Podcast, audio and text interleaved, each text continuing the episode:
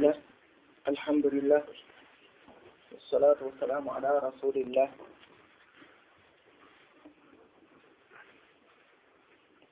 аллахтың қалауымен бүгін енді имам науидің жинақтаған хадистердің ішінде он алтыншы хадисқа жеткен екенбіз бұл он алтыншы хадис те әби анхудан жетіп отыр екен иә әби хурайра өмірбаяны туралы айтып кеткенбіз бұл жерде қайталап жатпаймыз хадистің өзіне бірден өтеміз бұл хадисте келеді екен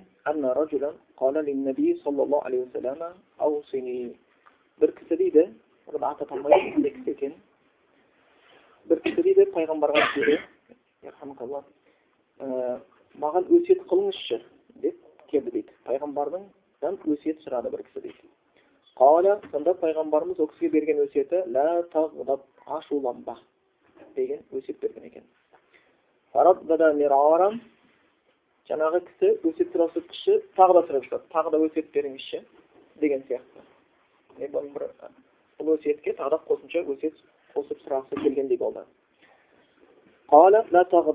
пайғамбарымыз оған ашуланба деді бұл хадис енді имам бұхари риуаят еткен хадистерден екен иә бұл хадистен көріп отырғанымыздай яғни осы жердегі бір кісінің келіп пайғамбарымыздан өсиет сұрауы. Сахабаларда бұл нәрсе көп болған иә өсиет сұрау. Ол кейінгі уақытта да жалғаса береді. Өйткені пайғамбарымыз енді жоқ. Бірақ пайғамбарымыздың мирасқорлары бар. Әл улама амбия дейді ғой ғалымдар пайғамбарлардың мирасқорлары дейді. Осындай бір адамдар кей кезде өмірде өсиет сұрау кеңес сұрау деген нәрсе болған жақсы. Өйткені адам бәрі жаңғыз адам жаңғыз адам. Сосын өсиетті көбінесе қасында жақын жүрген адам жақсы бере алады да. Өйткені қараңыз пайғамбарымызға келді бұл кісі өсиет сұрады. Пайғамбар оған өсиет не айтты? Ашуланба деді. Бұл деген сөз пайғамбарымыз ол сахабаны жақсы білетін болып тұрды. Әйтпесе өсиет көп. Құранда келетін мысалға үлкен өсиеттердің біреусі не тақуалық иә ілгергілерге және сендерге өсиет нәрсе тақуалық деп алла тағала айтады? Бірақ бұл жерде пайғамбарымыз оған келген кезде өсиет сұраған кезде ашуланба деген нәрсені өсиет берді. Яғни әр сахабаға өзіне лайықты жауабы беріп отырған сосын бұл сахабаның бойында мүмкін осындай ашуына ие болмайтын бір қасиет болған болуы мүмкін пайғамбарымыз жауап берген кезде оған пайдалы жауаптарды беруге тырысатын бұдан алатынымыз мысалға айтайық сенің бір досың келіп өсиет айтып қалса енді сен сырттан не аласың ғой мен сырттан адамға қарағанда анығырақ көрінеді ғой адам өзін өзі байқай қоймайды ғой сен маған қандай өсиет айтар едің досың ретінде айтшы десе сен дос ретінде білетін болсаң бір қасиетін айтайық оған көп сөйлейтін болса аз сөйлеуге тырыс деп өсиет бересің ол да ашуланшақ болса ашуланба деп өсиет бересің яғни адамға тиісті өсиет берілу керек түсіндіңіздер ғой тура бұл өйткені кемшілік ол ауру сияқты нәрсе күнә кемшілік ауру сияқты нәрсе мысалға айтайық адам тұмаумен ауырып тұрған болатын болса сенен дәрі сұрап келсе оған бас аурудың дәрісін беру дұрыс емес те оған тұмаудың дәрісін беру керек. Тура сол сияқты бір адам саған өсиет сұрап келді сен адам бойында бір кемшілік көріп тұрсың. Бірақ көңіліне тиюдің қажеті жоқ бірақ оған пайдалы бір өсиет берген жақсы. Қатты болса жұмсақ болды шіли қатты жұмсақ болатын болса шіли бүйтіп ынжық болма деген сияқты. Кішкене асыздау болатын болса ұят болсын мойныңда деген сияқты. Осындай бір лайықты өсиеттерін беру керек. Өйткені мұсылман мұсылманға не айна сияқты иә ол бірін бірін жақсы шақыру керек бұл жерде пайғамбарымызға бір кісі келді дейді кісінің аты аталмайды бірақтан ол кісінің атын іздеген мұхаддис ғалымдар да болған. Осы бір хадистерде келеді өзі. Анна бір кісі келді. Анна пайғамбарымыздан сұрады. Бір кісі келді сұрады бұндай кісінің атының аталмауы дейді кейбір ғалымдар былай деп түсіндіреді. Бұл жерде бұл кісінің атының аталмауы ол белгілі сахаба болуы мүмкін дейді. Оны аби хурайра білетін болуы мүмкін дейді. Және басқа сахабалар біліп тұр дейді кім екенін өйткені араласып жүрген достар ғой. Бірақ оның атын атамай жеткізді дейді өйткені ол адамның бойындағы кемшілікке пайғамбарымыз не айтты? Жауап айтты. Сен былай айтқанда ашуланшақсың деген сияқты нәрсе шығып тұр жағынан түсіндіңіздер ғой? Сен көп ашуланатын адамсың деген сияқты. Бұл оған бір сәл кемшілік сияқты. Яғни естуші адам бұл адамды айтатын болса пәленше деген сахаба болған ол ашуланшақ екен деген ой тумау үшін. Яғни жасыру осындай хикметі бар сол үшін мұсылмандар әрқашанда мысалы бірін бірінің кемшілігін жасыра білген жақсы егер сен тіпті бір шейхқа болмаса бір ілім иесіне сұрақ қойған болатын болсаң ә, ол сұрақ сенің жеке басыңа қатысты болатын болса бірақ ол сұрақ сендегі кемшілікті көрсететін болатын болса осы таң намазына ұйықтап қала беремін деп сұрақ қойсаң ол кісі сен туралы жаман ойлай бастайды да. Түсіндіңіздер ғой? Оны үшінші жақтан қойған жақсы бір кісі бар егер таң намазда жиі ұйықтап қалатын болатын болса сіз оған қандай насихат айтар едіңіз түсіндіңіздер ғой яғни өзі туралы жаман ой түсірмеу үшін яғни үшінші жақтан сөйлеген жақсы бір кісі ол сен өзің болуы мүмкін болмаса ол сенің бір досың болуы мүмкін өйткені менің досым бар мырхалық деген ол осындай деп бастаса сенің мырхалық деген досың туралы жаман ойлауы мүмкін отырғандар яғни оның атын жасырып осындай бір кісі бар деп айтып оның дұрыс жауабын біліп алуға тырысу жасау келеді екен өйткені біз бұған дейін хадистерде айтқанбыз иә мұсылманның мұсылман үшін ары харам мұсылманның арына тиетін сөздер мұсылманның жанына тиетін сөздер мұсылман барынша алыс болу керек тіпті ибн дақиға айт өзінің бір сөзін айтады ғой ғайбат туралы сұраған кезде ғайбат не дейді ол дейді нар дейді да ғайбат дейді дозақтың шұңқырынан бір шұңқыр дейді яғни ғайбаттап жатырмын деген адам дозаққа түсейін деп жүрмін деген адам дейді кәдімгі шұңқырлар дейді да дозаққа алып кететін бұл дозақтың шұңқырларына шұңқырлар дейді да ғайбат деген нәрсе сол үшін ең жақсы ол шұңқырдан алыс жүрген жақсы иегінен секіре бермей сол үшін мұсылманның мұсылманға ары жаны харам ол жайында сөйлеген кезде өте үлкен сақтықтарды жасау керек. Насихат бабында болса да. Түсіндіңіздер ғой? Нақты көз жету керек. Одан кейін барып сөйлей бастаған жақсы болып табылады екен.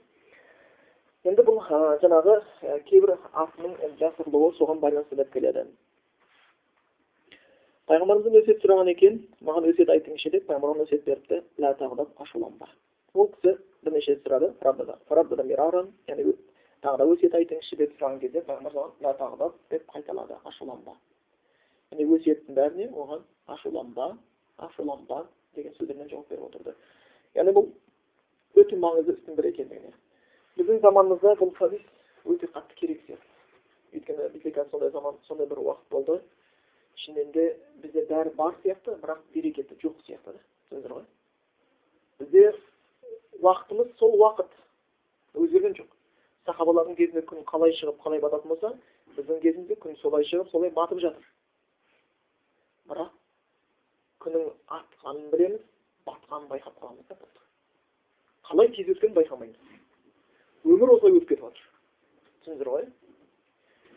Ілгергі ғалымдардың алатын болсақ ол кезде мындай жарық деген жоқ жылысу деген жоқ жағдай деген жоқ осындай бір заманда жүріп олар ілім іздеді қаламы деген біз сияқты қазір неше түрлі қалам бар ғой дұрыс па қалам деген өте көп бізде бірақ олардың қаламы деген сияға батып отыру керек сөйтіп жазу керек олар күннің жарығымен ілім іздеді айдың жарығыменен кітап жазды солардың жазған кітабын біз мына бір техника дамыған заманда жиырма төрт сағат үйімізде свет бар бізде бәрі кітап бар біз олардың жазып кеткен кітабын оқып үлгере алмай жатырмыз дұрыс па қайсымыз осы бұхариді бастан аяқ оқып тастадық муслимді термизиді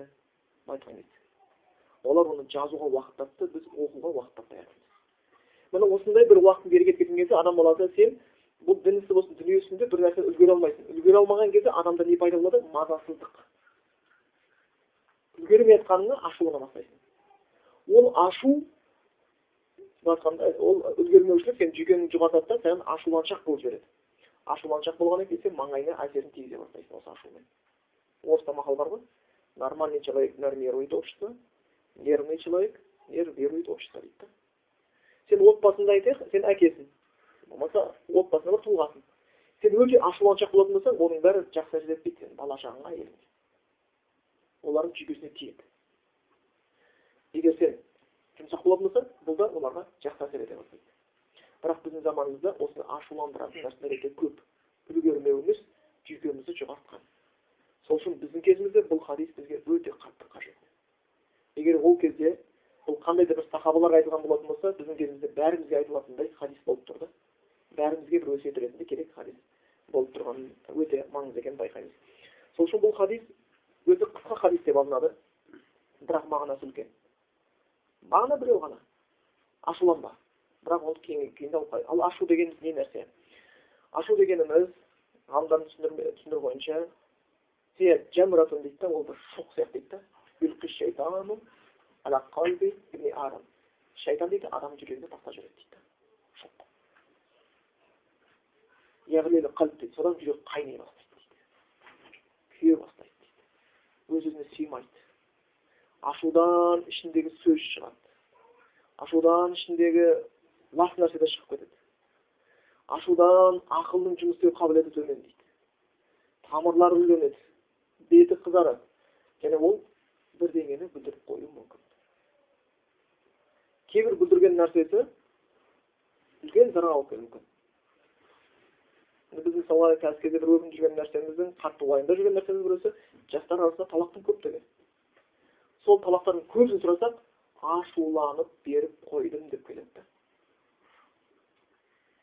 Ашуланып беріп қойдым деп келеді. Бұл деген ол бауырларымыздың не бұл хадисті білмейді білсе амал жасамайды деген сөз.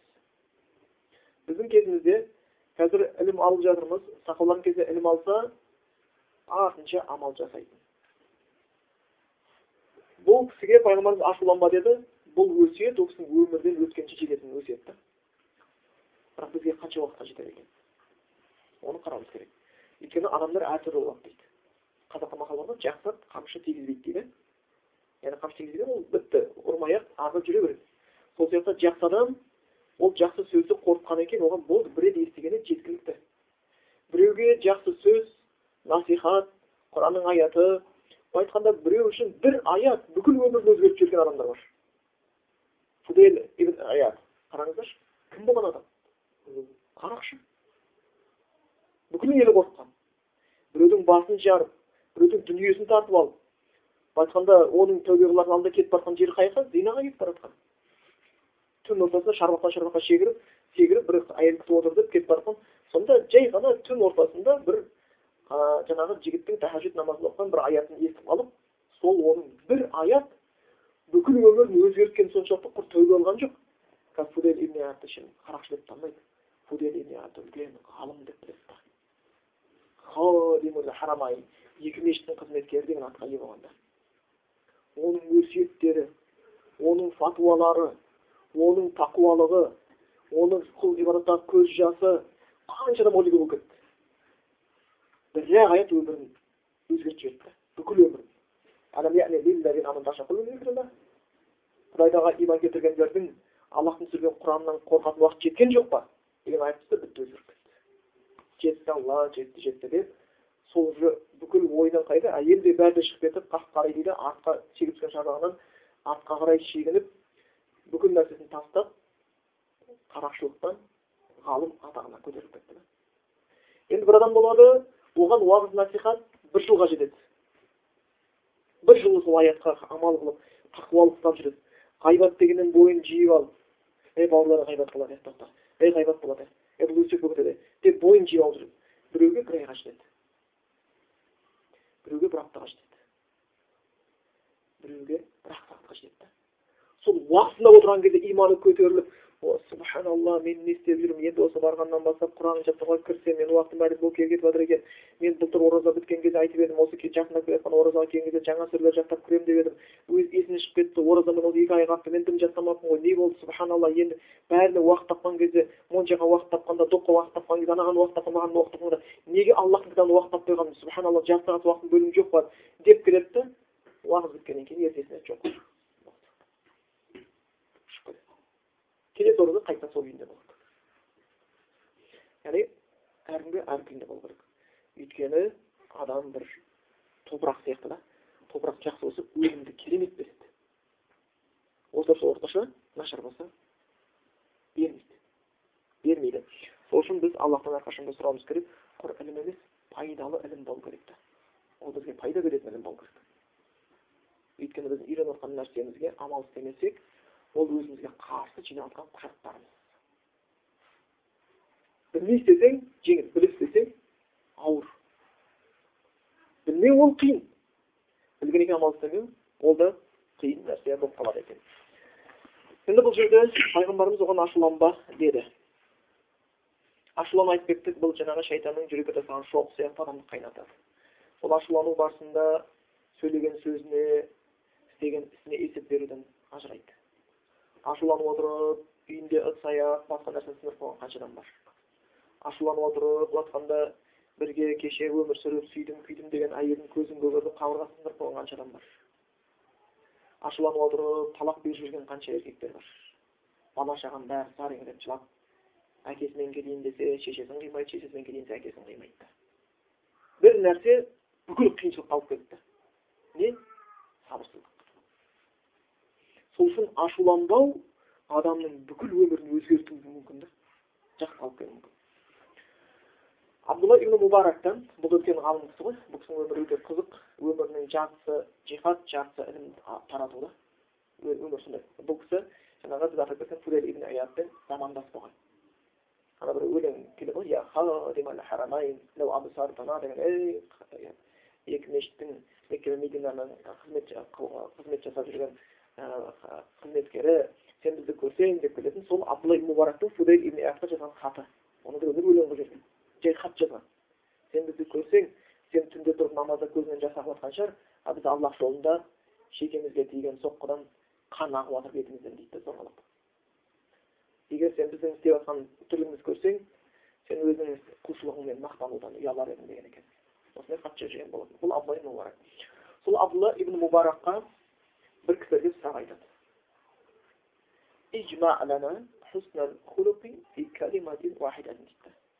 бүкіл мінез құлықты көркем мінез құлықты бір сөзде жинап бізге айтып берші дейді да үлкен ғалым болғанда бұл сөзге шебер бүкіл керемет мінез құлықты бір сөзге жинап бізге айтып абай мұрат айтқан бір ауыз сөз екен тәркіл ғадап дейді болды мінез кетсеңдер көркем мінез құлықтарды жинап алады дейді келе бастайды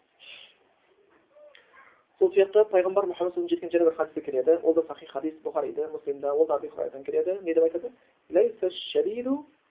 дейді да мықтылық күштілік дегеніміз дейді біреуді алып жығу емес дейді палуандықта болмаса мықты соққыда емес дейді біреуді жеңуде емес дейді мықтылық деген дейді күшті дейді сол адам дейді ашуланған кезде өзі ұстай алған дейді осы осы хадиске сүйеніп жиі ашуланатын адам әрбір сөзге жиі ашуланатын адамды ғалымдар айтады әлсіз адамдардың қатарына кіргізеді. біз ойлаймыз ғой олар күшті ашуланып жүрген мықты адам деп жоқ жиі ашуланғыш адам әлсіз адамдардың қатарына кіреді. яғни жүйкесі жұқа сөзге шыдамайтын сабырлығы аз ақыретті аз ойлайды. Пайғамбарды өзіне қатты үлгі қылмаған былай жағынан былай қарасаң да әлсіздік та. Денсаулық жағынан жүйкесі жұқа ілім жағынан амал істемейді пайғамбар жағынан өзіне үлгі қылмайды. Былай қарасаң жан жағынан әлсіздік жиналған. Өте көп ашуланшақ адам әлсіз адам дейді сол үшін мықтылық кім екен мықты? Ашуланған кезде өзі ұстай алған адам дейді ашуланған кезде өзі ұстай алған адам сол үшін дейді ашуланып тұрған кезде сөйлеме дейді көп ғалымдар үкім шығарма деп айтады сол да ашу өзі әртүрлі болады кейбір ашулар бар оны иғлақ деп атайды иғлақ кезінде талақ жоқ дейді иғлақ дегеніміз бұл ашудың ең жоғарғы дәрежесі иғлақ өзі араб тілінен жабу деген сөз бұл сондай ашу адамның ақылы уже кетті деген сөз да ол сөйлеп жатқан сөзімен ісіне отчет бермейді. Ол кісі өлтіріп қоюы мүмкін ол біреудің үйін сындырып кетуі мүмкін. Ол шөп өте жіберуі мүмкін. Ол көп нәрсеге баруы мүмкін. Қатты ашулану шегіне. Қазір заманда бір енді мұсылман еместер жиі кездеседі ғой. Ақылың жетпейді. Осы оқыған өздеріңіз де жиі еститін шығарсыздар. Біреу өзінің кішкентай баласын екі баласын. Бір емшектегі баласы біреу бір баласын. Балконнан лақтырып жіберген да бесік неге деп сұрақ қойса жүйкем тоздырып жіберді деген да. Жылап жылап. Емшектей бала жылағаны ашуланған соншалықты екеуін де лақтырып жіберген. Қараңыз не осындай дәрежеге жеткен да. Сондай дәрежеге жеткен енді оның ар жағында қанша жауапкершілік бар ол ол үшін жазадан құтылып кетпейді. Ашуланып істепсің ғой деп кешіре салмайды дүниенің жазасынан да ақырет жазасынан құтылып сол үшін ашулану ең жоғары иғлақ деп аталғаны бұл ақылдың жабылған кез ақыл уже тұмшаланған кез. Сөйтсек бұл ашу ақылды қашырады екен. Қазақта да сондай мақал бар иә? Қапа болған адамнан қырық күн ақыл сұрама дейді. Яғни бір қатты ашуланып жүрген адамнан оған ақыл сұрама дейді? Ашуланшақ адамнан. Қате үкім беріп жіберуі мүмкін дейді. Үшін көбінесе қатылыққа өте сабырлы табанды ашуланбайтын кісілер болып жатады. Енді сонда бұл ашуланбау айттық бүкіл жақсы қасиеттерді адамның бойына жинап беретін қасиеттердің бірі болып табылады екен. Енді ашулы дегеніміз адамға енді адам болғаннан кейін ашуланбайтын адам болмайды. Біреу аз ашуланады дейміз біреу көп ашуланады біреу шектен шығады дейміз. Қандай болғанда да оны емдеу керек. Ашуланудың себептері бар ашуды емдеудің жолдары бар. Ашуланудың себептері бірінші айттық жүйкенің жұқарғандығы жұмыс көбейді анаяққа барса бітпейтін әңгіме мына жаққа келсе бітпейтін әңгіме мына жаққа келсе дінді біреу әлсіз ұстап жатыр мына жаққа келсе біреу өсектеп жатыр мына жаққа келсе бірдеңе қылып жатыр. Соның бәрі көреді да ішіне сыймайды жүйкесіне әсер етеді. Ол жұмыстан шаршап келеді шаршап келсе үйінде үйдің тірлігі бітпеген деген сияқты осының бәрі әсер етіп ол адам ашулана бастауы мүмкін. Ашулаудың екінші себебі тәкаппарлық. Бір адамдар тәкаппар болады. Сол өзінің тәкаппарлығын ашумен көрсеткісі келеді да ашуланудың және бір жері мақтаншақтық. Кейбір адамдар өзі бір айқайлап сөйлеп біреуді қорқытқанын мақтан мен деген сондай мен өй! деп қалсам әйелім деген дір ете қалады.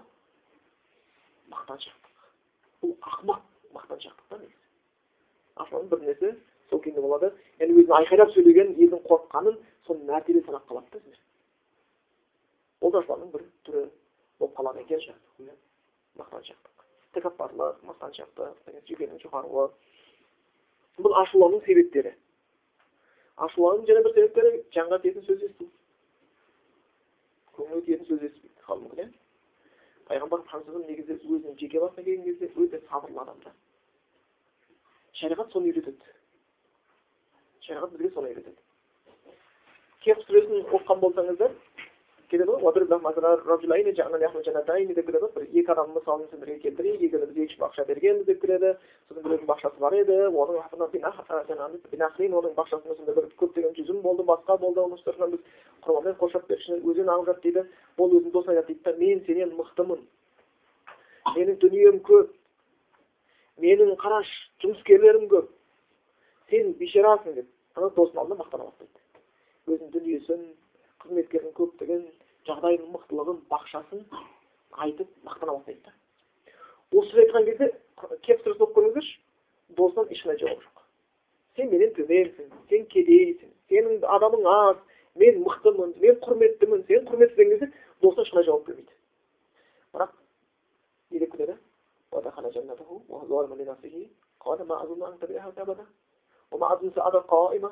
кейін ол жәннатына кірді айтты дейді мына байлық еш уақытта менен кетпейді мақтанған бітті маған кетпейді қиямет күні бола қоймайтын шығар болса құдай тағала мына дүниеде беріпті ол жерде қор дейсің ба бұл жақта берген құдай ол жақта да береді деген сөз айтқан кезде досы сол кезде сөйлейді да е аллахқа серік қоспа сені топырақтан жерткен аллах осындай сөз айтасың ба сен құдай ғой берген бірден мынаның бәрі бір апат келіп мына бағың бәрі лай болып кетсе қайтесің жеке басына айтқан сөздерге жауап берген жоқ түсіндіңдер ма ал құдайдың дініне ақыретке өйткені дүние ақыретті ұмыттырады деген кейін кезде ол уже сөз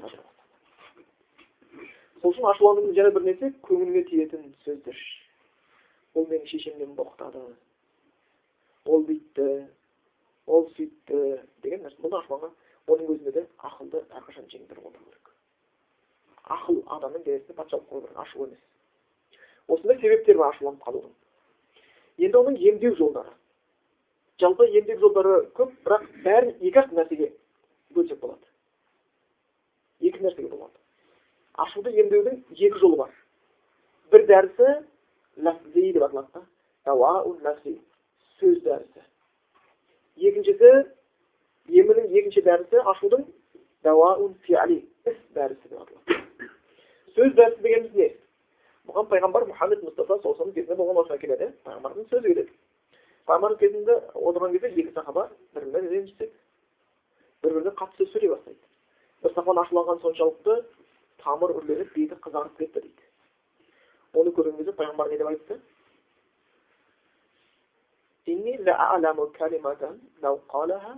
мен бір сөз білемін дейді мына ашуланып тұрған адам соны айтатын болатын болса айтты мына адамнан дейді мына ашуы кетеді дейді ем болады бұған дейді мен бір сөз білемін деп айтты бұл сөз дәрісі пайғамбарымыз айтты ол сөз деп айтты деген сөзді аллах тағала ләнетке ұшырап қуылған шайтаннан жамандығынан мені сақта деген сөз бұл сөз дәріс екен бұның артынан не түсінеміз ашудың артында кім тұр шайтан тұр шайтан сен ашуланған кезде ашуыңның басылмағанын қалайды түсіндір ғой сен ашуланған кезде шайтан сенің ашулуыңның басылмағанын қалайды жалғастыра бергенін қалайды өйткені ол саған істете алмай жүрген көптеген күнәсін саған сөйлете алмай жүрген көптеген сөз сол кезде істете алуға мүмкіндік табады да түсіндіңдер ғой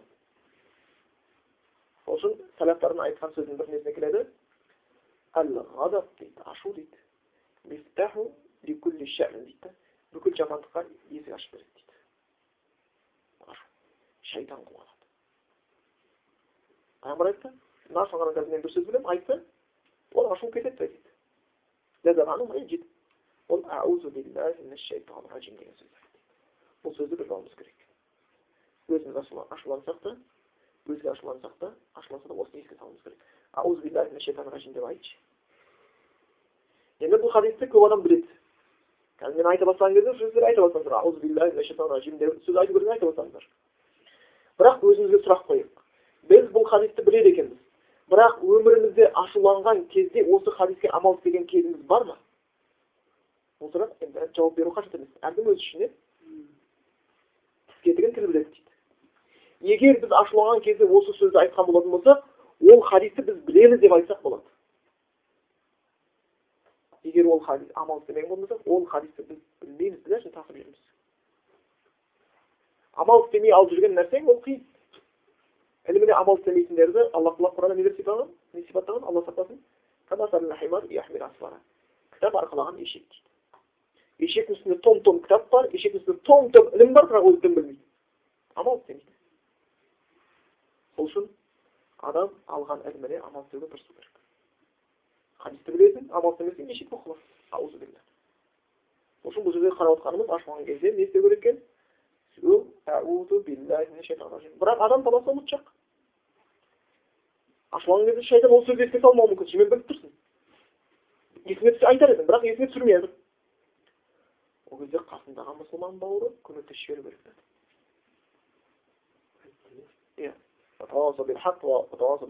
ақиқатқа бір біріне өсиет қылыңдар және сабырлыққа бір біріне өсиет қылыңдар дейді көмектесіп жіберу керек күйеуі ашуланып бара жатқан болса әйел адам осы болса деп айтшы дейді пайғамбар сөйтіп айтты десе сен сол сөз айтқаннан кейін сен ашуың кетеді ғой сен пайғамбардың сөзін қалай тастай саласың тастай алмайсың ғой дұрыс па пайғамбар сөзінен басып қаласың тура сол сияқты әйел ашуланып қалса күйеуі айту керек неге біз ашуланып бітуіміз керек деп ойлау керек екен қай жаққа барады ашудың шегі немен бітеді ашу бір жақсы нәтиже берген кезі бар ма ондай кез жоқ сондықтан ашудың бір емі ол сөз емі пайғамбарымыздың хадисінде келген сияқты ол деген дәрі бұл хадистен түсінгеніміз ашуды басуға көмектеседі және ол ашудың артында шайтан тұр деген сөз екен шайтан тұр енді бұл сөз емі сөз дәрісі ашуға енді іс дәрісі бар ашуға қарсы іс дәрісі ол не болып келеді пайғамбар мұхаммед мұстафа саллаллаху жеткен хадис. Оның өзі де кімде кім ашуланған болатын болса отырсын қайтпаса жатсын қайтпаса дәрет алады. Түсіндіңіздер ғой бұл істер.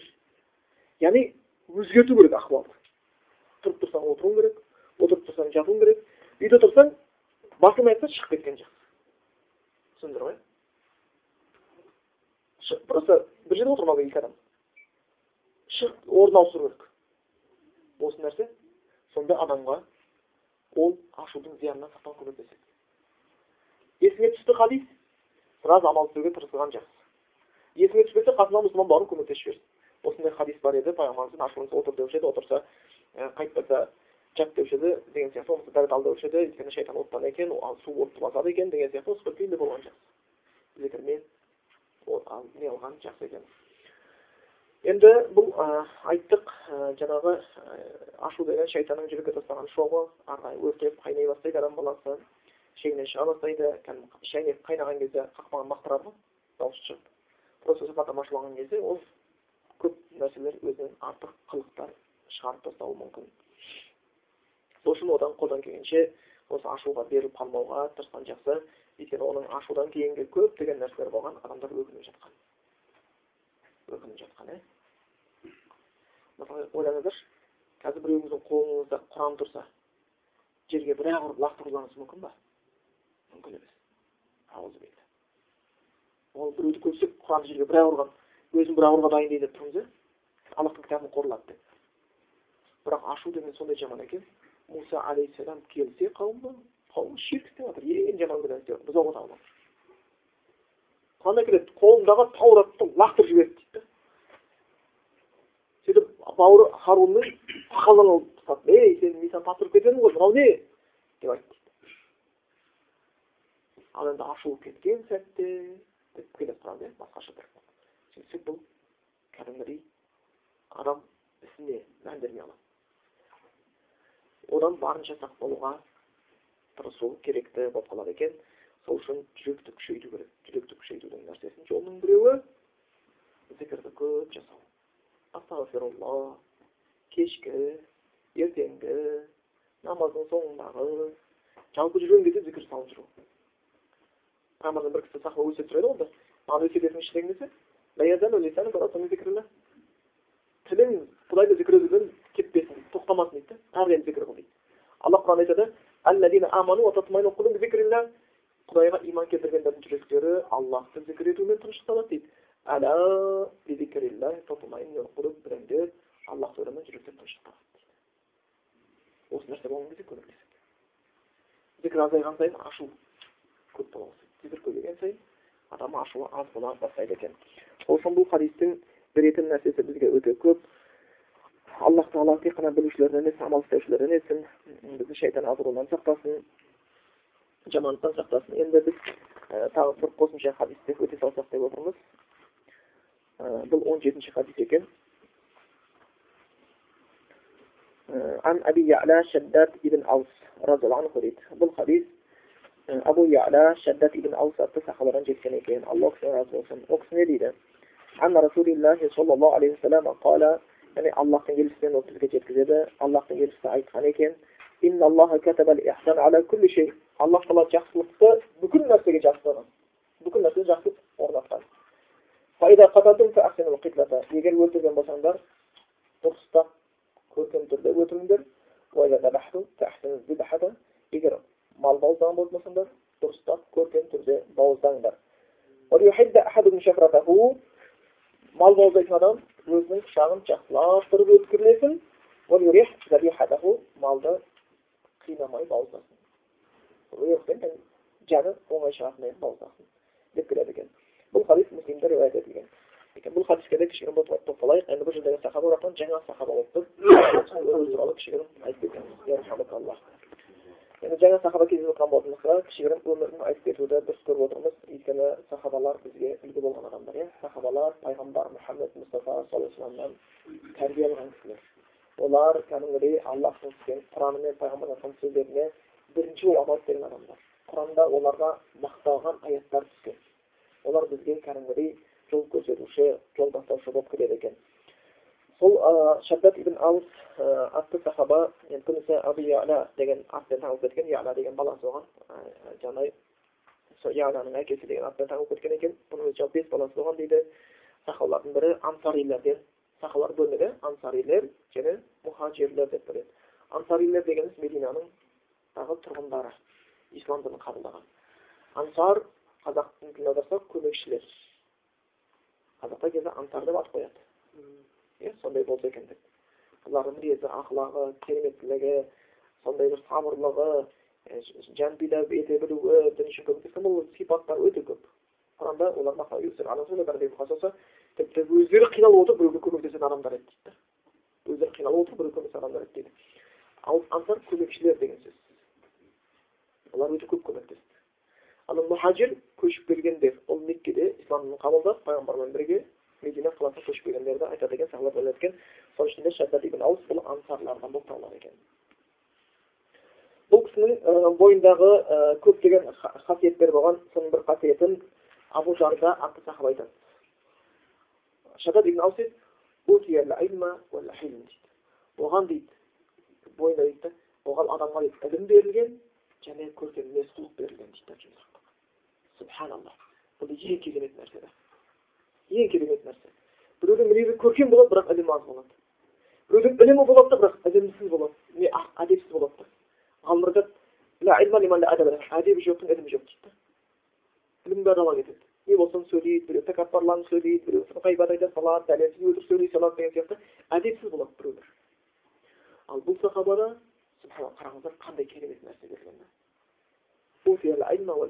ілім берілген жұмсақтық көрген сабырлық берген дейді үлкен қасиет берген және де бұл кісіні тағы да бір өзінің қасында жүрген сахабалардан өзінің сондай сипаттау нелері көп жетеді соның бір бойындағы жағы саид ибн абдулазиз деген кісі айтады сипаттайды шаддад ибн аусты көрген кезде оның айтқан сөзі не дейді ол сондай адам еді дейді ол дейді сөйлесе дейді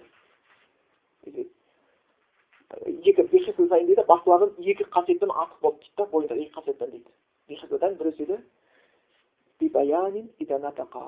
дейді сөзі анық түсіндіре алатын жеткізе алатын адам еді дейді бұл ілім түсіндіңіздер ғой құран емес екен ілімді айта алады яғни асықпайды жеткізеді елдің санасына жүрегіне жететіндей қылып айта алатын нәрсесі бар дейді. Екінші бір қасиетін айтады. Оның бойында дейді. Да. Ашуланса ашуын бақылаған адам еді дейді да. Сәйкес келеді да. Қараңыздаршы ашуын. Ол мақтау сипаты да. Ашуланса ашуын жеңе алатын адам дейді да. Жүрегінде өшіріп тастайды. Жүрегінде өшіріп тастайтын адам болған дейді осындай екі қасиетке болған адамды күледі. Ал бұл кісінің тақуалығы білім және өте көп нәрсе келеді тіпті бір риуаятта келеді. Ол кезде кей кезде ол кісі төсегіне жатып дейді ұйықтай алмайтын дейді дөңбекші деген қарайды дейді. Дөңбекші ұйықтай алмай үһілеп сөйтіп орнынан тұрса аллахумма я алла аллахумма я алла деп орнынан тұрса расында дозақтың оқиғасы деп азхабат минни наум дозақтың дозақтан ойлап кетсем мен ұйқым келмей қалады. Дозақта ойласам ұйқым келмей қалады деп ұйықтай да орнынан тұрып намаз оқып шығатын түндері болған дейді. Дозақ есіне түсіп кеткен кезде ұйқысқа шығып кететін адам болғанда. Бұл сахабалар бұл сондай үлкен нәрсе болады. Бұл кісі өмірінің соңында байтул махдис жақта өмір сүрген сөйтіп хижри жыл санау бойынша сегізінші сегізінші жылдары қайтыс болған екен. Ұзақ өмір сүрген енді жетпіс бес жасында қайтыс болған бұл сахаба.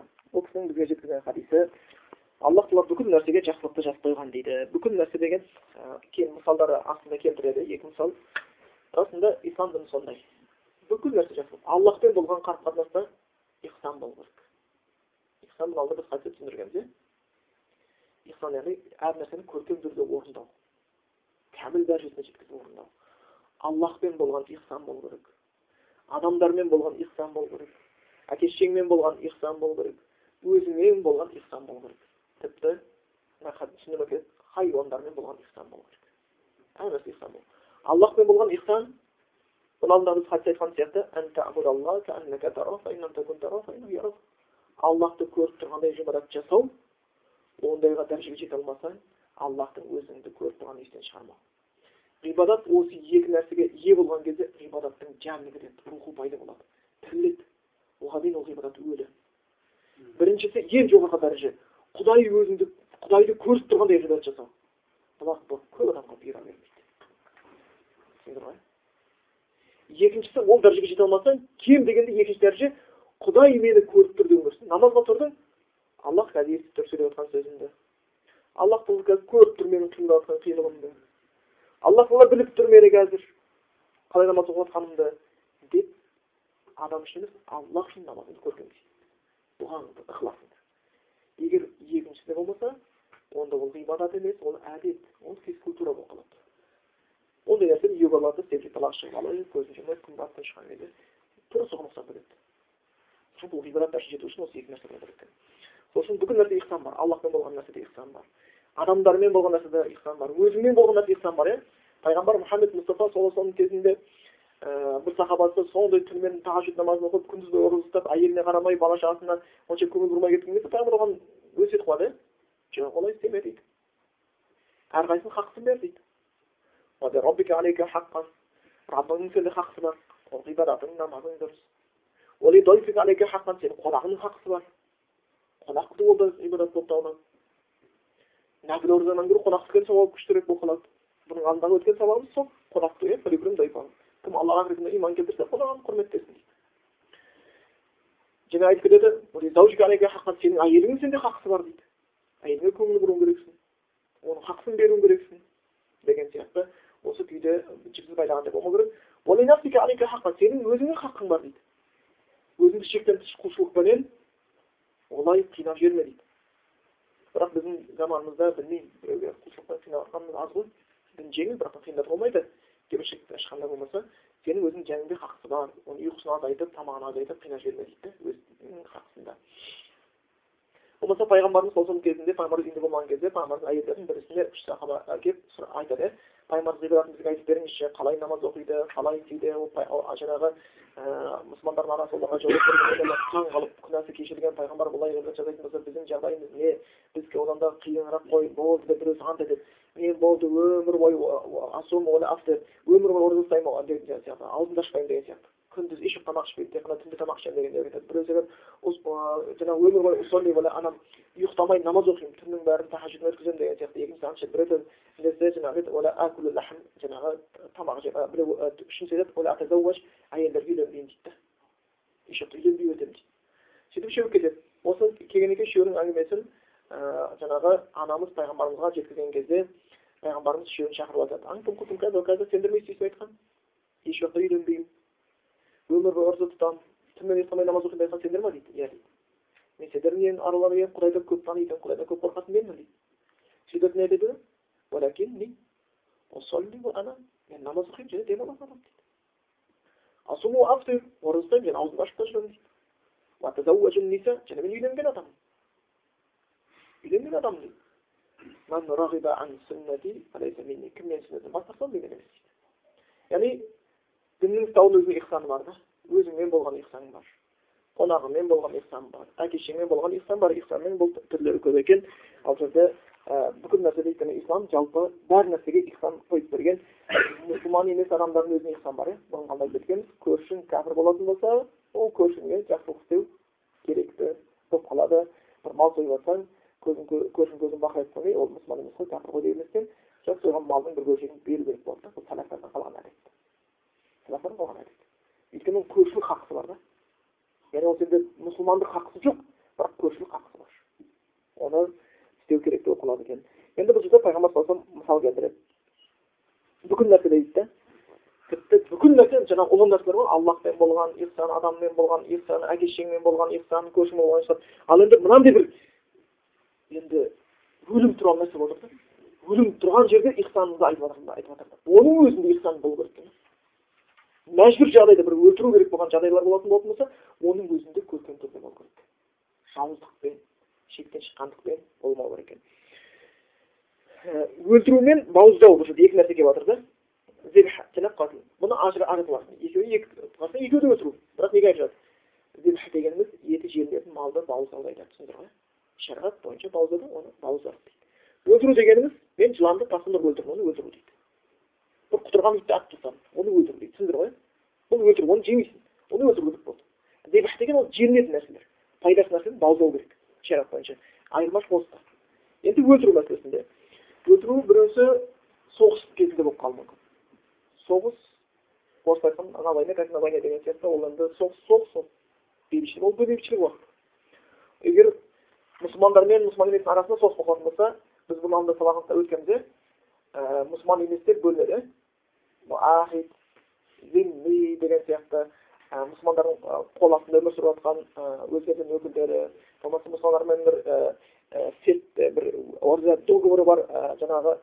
мұсылман еместердің қарым қатынасы мысалы қытайдан біреу сауда жасайын деп қазақстанға келіп қалған болатын болса қазақстан мен қытайдың арасында саудаға келісімі бар болатын болса оған тиісуге болмайды түсіндіңіздер ғой тиісуге болмайды екінші болса емдеп келеді бір пана сұрап келген адам болатын болатын болса мұсылмандардан келіп онда оған тиісуге болмайды бұл нәрседен. Өйткені хадисте келген сияқты кімде кім ондай мұсылмандармен арада келісімде тұрған өзге діннің адамын мушрик деп өлтірген болса жәннаттың иісін де сезбейді деген да оны қойған бірақ соның ішінде кәпірлер бар не деп келеді? Харби соғыста жүрген. Соғыста ойбай адам өлтіруге болмайды сен өлтіріп тастайды болды. Соғыс ол соғыс бірақ ол сенің қолыңа түсіп сен оны өлтіріп жатқан болатын болсаң саған шектен шығармайды да болды ма өлтіре салсын оны көзін ойып алып байлап құлағын кесіп мазақтап тірідей терін сыпырып деген сияқты бұл нәрсе болмау керек ажимая еткізіп өлтіргенше бұндай нәрсе рұқсат емес. Түсіндіңдер ғой? Екінші не болуы мүмкін? Шариғатта өлтіруге рұқсат берген кейбір зиянды жәндіктер бар жылан жыланды өлтіресің оны барып ұстап алып а сен өлтір деп айтқан ұстап құйрығынан жіппен байлап отқа сақтап деген сияқты болды ұрды өлтір бір ұрып өлтіре алады тез өлтіре алатын болсаң жақсы қинап жеп тастан кескілеп жеп тастан болмаса ит жаңағы құтырған ит адамға зиян беруі мүмкін тістесе өзіне ауыртуы мүмкін оны өлтіру керек болмаса дұрыс өлтіру керек мысалы айтады ол итті өлтірудің бірнеше жолы керек оны улап өлтіруге болады ине беріп өлтіруге болады атып өлтіруге болады тоққа түсіріп өлтіруге болады қайсысы оның жанын қинамайды сонысы істелінеді түсіндіңіздер ғой ине беріп улап қинап қыстырып өйтіп жатқан ол дұрыс емес болып қалады ақыры сол итті өлтіру керек болатын болса адамдарға келетін зиянынан оны қинамау керек түсіндіңіздер ғой осы жердегі өлтіру сол сияқты шаян адам шағы болатын басқа болатын болса оны өлтірудің сондай бір жолдары барлық табылады екен қинамастан. Енді бауыздау мәселесіне келетін болсақ бауыздағанда да оның өзі тәртіп айтылған. Өйткені бізге халал етілген малдар бар сиыр жылқы қой деген сияқты. Бұлардың бауыздауының өзі тәртібі бар. Мынада бір тәртіп айтып келеді пайғамбар кімде кім малды бауыздайтын болатын болса пышағын өткірлесін дейді. Шафрада пышақтың аты араб тілінде пышақтың және қандай аты бар секкен деп аталады иә секкен түбірі қай сөзден шыққан демалдырушы деген сөз да малды бауыздаған кезде ол демалып қалғандай болу керек малды бауыздау тәртібі бар және ол қандай болу керек дейді мал бауыздайтын пышағың өткір болу керек дейді жақсылап тұрып қайрап алу керек өтпейтін пышақпен қинап өйтіп не қылып жұлқылап малдың жартылай жартысын кесіп жарты кесілмей ойбай қайрап алайық өтпей қалды деп оны қанағып өйтіп олай істеуге болмайды кәдімгі салып тарт келіп қалған кезде осып түсіру керек өйткені мал өзінің тәртібі біріншісі біреуіне малды жаңағы пышақ өткірлеп барып сөйтіп малын қинамай өлтірсін деп біледі екен. Сол үшін малды бауыздау мынандай шарттар бар өзінің. Бірінші малды бауыздайтын адамға қатысты мәселелер бар. Ол мұсылман болу керек не әхіл китап болу керек. Түсіндіңіздер ғой? Егер ол бір буддист кришнаит болатын болса оның сойған мал еті халал емес. Бірінші мал бауыздайтын кісіге қатысты. Не ол мұсылман болу керек не әхіл китап болу керек. Өйткені деп келетін аят бар кітап егелерінің тамақтары сендерге халал сендер тамақтар кітап егелеріне халал деп келеді оны олардың бауыздаған нәрселер деп келеді да. Кітап егесі бауыздамайтын болса ол бізге халал болып қалады екен. Бірінші бауыздайтын адамға қатысты. Екінші бауыздайтын құралға қатысты. Немен бауыздалады темір. Күмістен темір ғой бауыздалатын ол темір күмістен болып қалса да айып емес. Жалпы алтынды қолға табылған күміспен алтын тамақ ішуге тыйым салынған. Бірақ басқа алтын пышақтан басқа пышақ таппай қалатын болсаң сонда бауыздайсың өйткені оны бауыздау болады екен. Бауыздауға болмайтын заттар бар ол тырнақ болмаса тіс енді қазір тырнақ дегенде адам таңқалуы мүмкін қазіргі кезде таңқалып ешкім ондай бармайды ғой бірақ ілгері уақытта мына хабашилерде олар тырнағының біреусін өсіріп жүретін болған да кәдімгі жануар ұстап алсақ сонымен осып жібереміз деген сияқты өсіреді сөйтіп бір жерін үшкірлеп қоятын болған сол күйінде кәдімгі жыртқыш сияқты жүретін болған одан тамыр тыйым салған мұсылмандарға тырнағын өсіріп жүре алмайды екен бірақ қазір соңғы кезде байқап отырмын кейбір мұсылманшылық толықтай адамдар тырнағының бір өзін үзіп қояды екен түрлі тірліктер үшін ол дұрыс емес ол дұрыс емес сосын жаңағы тістегенде сүйекпен мал бауыздауға болмайды деп келеді өйткені сүйек жындардың азығы. Осы нәрселерге мен тыйым салынған. Ал енді пышағың темірден болып жатқан болатын болса болмаса бір қыштан болып жатқан болатын болатын болса болмаса қатты қамыстан болып жатқан болатын болса сен бізде қазіргі кезде ондай бір пышаққа жанбай қалды деген жер жоқ. Өте бір сирек болған жағдайларда болмаса екінші құрайтын бауыздайтын құрал болу керек. Үшінші мал бауыздаған кезде жалпы адам малдың мойнында төрт нәрсе болады. Өңеш кеңірдек екі үлкен тамыр. Бауыздау осы екі үлкен тамырға қатысты. Түсіндіңіздер ғой осы төрт нәрсе негізі кесіледі бауыздаған кезде. Басын бірден қайырып сындырып тастауға болмайды малдың жаны шықпайынша. Ол малға қинаған болып қалады. Өйткені мына екі үлкен тамыр кесілген кезде ол жүрекпен тікелей қатысты неге баратын нәрсе. Екеуінің арасында байланыс үзіледі да мал негізі қиналмайды түсіндіңіздер ғой мал негізі қиналмайды сол кезде ешқандай қиындық сезбейді. Өйткені бірден қан кетеді информация нәрсе жоқ. Оған жеңілдік береді. Бірінші. Егер де малды бауыздаған кезде екі тамыры кесіліп өңеші кесілмей қалатын болса айып емес.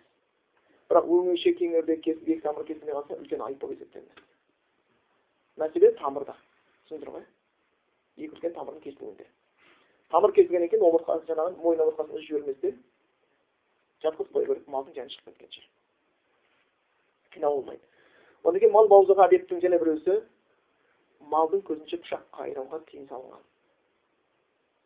өйткені мал сезеді ода үрей пайда болады ол қашқысы келу керек мал өзінің бауыздалатынын сезбегені жақсырақ түсіндіңіздер ғой сосын кейбір әдеттерде малды малдың көзінше бауыздағанды қаламайды. Малды малдың көзінше бауыздауды онша қалай көрмеген тірліктер болады екен. Енді біздің кезімізде мал бауыздауда кейбір осындай ихсан дәрежесін ұстамау нәрселер бар. Дұрыс істемеген нәрселер кездесіп жатады. Біз естиміз үлкен малдарды мал бауыздайтын жерде аяқ қолын байлап құлатқанға ерініп басына үлкен балғамен кубалдармен ұрып құлатып одан кейін барып бауыздайды деген нәрсені естиміз. Бұл малға зиян беру. Ертең қиямет күнінде қасас деген нәрсе болады ертең тура сол үлкен кувалдамен сен өзің басың ұрылуы мүмкін да қияметтің күнінде малды ұрған үшін қинаған үшін жалпы шариғатта малды басынан ұруға тыйым салынған малды басынан ұруға болмайды сол үшін мал бауыздау мәселесінде кәдімгідей оның да ихсан дәрежесі болу керек енді болмаса малдың жаны шықпай жатып терісін үрлеу терісі оңай сыпырылсын деп насоспен жаны шықпай жатып жаңағы сирағынан салып үрлеп жасау ол да дұрыс емес жалпы мұсылмандарда мал бауыздау әдебі өзін мұсылман есептеген қазақтардың бәрінде әдеп бар деп есептейміз. Кейбір сырттан көрген бір әдептерді алып келмесе сырттан көрген әдеттер алып келмесе. Сол үшін мал бауыздау кезінде өте бір дұрыс нәрсе болу керек. Сосын мал бауыздаған кезде екі адам болатын болса бұрын біреусі мал бауыздаған адам болса біреу бауыздаған адам болатын болса мал бауыздаған адам бауыздаған жақсы. Қазақта мақал бар иә? Тауық сойса да қатапыш сойсын дейді. Енді істің маманы соған жақсы. Болмаса бұл нәрсені үйрету керек балаларға. Үйрету керек болып қалады екен. Сосын енді мал бауыздауда және де түрлері бар. Зибх деп қояды нәхір деп қояды. Нәхір деп мынау кеудеге жақын жерді айтады. Мына жер нәхір деген. Зибх деп мойынға жақын жерді айтады. Мойны қысқа малдар бауыздалады қой басқа. Ал мойны түйе сияқты балалар нахр қылынады мына кеудеден сосын енді сіздер көрген болатын қазақтарда түйені жерден бауыздап жатады да нахрын да зибахты жасаған сияқты екеуін жасап жатады екен сонда бұл жерде малды жеу керек болып ет керек болып соятын болатын болса оның өзінде де әдет болуға тиісті екен оны қинауға болмайды оны жаңағындай малдың көзінше пышақ қайрап ә, болмаса малды малдың көзінше бауыздап болмаса малды өлтірмей жатып терісін сыпырып алып болмаса жаны шықпай жатып мойнын омыртқа сындырып қайырып тастап жаңағы жұлынына пышақ тигізіп денесін дірілдетіп деген сияқты ол нәрсе істеуге болмайды. Жан толық шығып кету керек. Асығудың қажеті жоқ. Шыққаннан кейін болды одан кейін қиналмайды. Терісін сыпырасына басқа қыласына айып жоқ болып есептелінеді екен. Сондықтан бұл жердегі э, дегенде алла тағала жақсылықты бүкіл нәрсеге жазып қойған дейді. Бірақ соның ішінде жаның мынауына өзінде бізге айтады да бұл онша бір ең қиын нәрсе ғой өлтіру мен бауыздау соның өзі жақсылық болу керек та. Егер өлтіру мен бауыздауда жақсылық жазылған болатын болса онда одан жоғары көрген нәрселердегі жақсылық қалай өлшеуге болады ойлай берсеңіздер онда одағы жақсылық одан да жоғары дәрежеде тұратын жақсылықтар болып табылады екен. Осыдан бір кішігірім тоқтатып қояйық. Аллах та білмеген кешірсін. Ағып кеткен жерлеріміз болатын болатын болса келіп кеткен болса шайтаннан тура айтқан жеріміз аллахтан алла баршамызға пайдалы ілімдер нәсіп etsin, elmə амал нәсіп етсін amalımızı qasdələr